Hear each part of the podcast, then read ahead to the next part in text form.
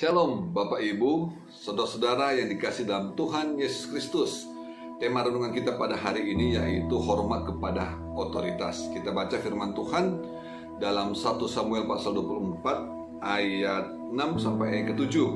Lalu berkatalah ia kepada orang-orangnya, Dijauhkan Tuhanlah kiranya daripadaku untuk melakukan hal yang demikian kepada Tuanku, kepada orang yang diurapi Tuhan, yakni menjamah dia, sebab dialah orang yang diurapi Tuhan. Dan Daud mencegah orang-orangnya dengan perkataan itu, ia tidak mengizinkan mereka bangkit menyerang Saul. Sementara itu Saul telah bangun meninggalkan gua itu, hendak melanjutkan perjalanannya. Bapak Ibu Saudara-saudara, kita tahu cerita ini bagaimana uh, Raja Saul selalu mengejar Daud untuk membunuh Daud. Padahal Daud ini tidak bersalah ya. Hanya rasa iri hati aja Raja Saul kepada Daud. Nah, di suatu kesempatan ada kesempatan bagi uh, Daud untuk membunuh uh, Raja Saul, tapi dia tidak melakukannya karena dia tahu bahwa Raja Saul ini adalah otoritas tertinggi saat itu dan orang yang diurapi oleh Tuhan.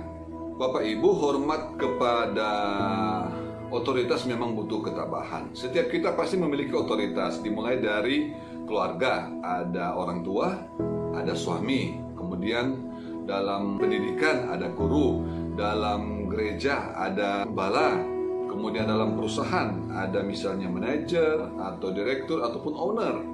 Nah, demikian juga dalam bermasyarakat ada namanya pemerintah. Mereka-mereka ini yang Tuhan percayakan kepada kita dan dipakai Tuhan untuk kebaikan kita. Mereka adalah orang-orang yang dipilih Tuhan untuk menjadi bagian dalam hidup kita. Sehingga sudah seharusnya kita menghormati mereka sebagai otoritas kita. Apalagi kita ini adalah anak-anak Tuhan, sudah seharusnya kita memberikan teladan bagi orang lain.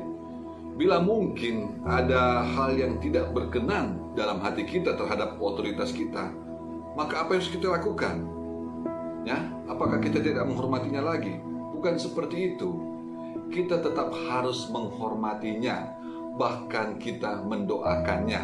Nah, bila kita harus menegurnya, kita harus melakukannya dengan hormat, sopan, dan tulus, sebagaimana yang Daud lakukan.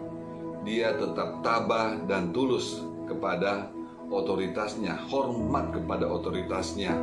Nah, dia tidak mengambil tindakan tertentu di saat ia ada kesempatan, yaitu tindakan-tindakan negatif Nah, di saat dia ada kesempatan dan tidak dia lakukan hal itu. Bagian kita tetap semangat, tetap andalkan Tuhan dan menghormati otoritas kita. Percaya saja bahwa Tuhan sanggup mengubah sesuatu yang tidak baik menjadi baik, bahkan bisa menjadi berkat bagi banyak orang. Kiranya firman Tuhan hari ini bisa menjadi berkat buat kita semua. Tuhan Yesus memberkati. Amin.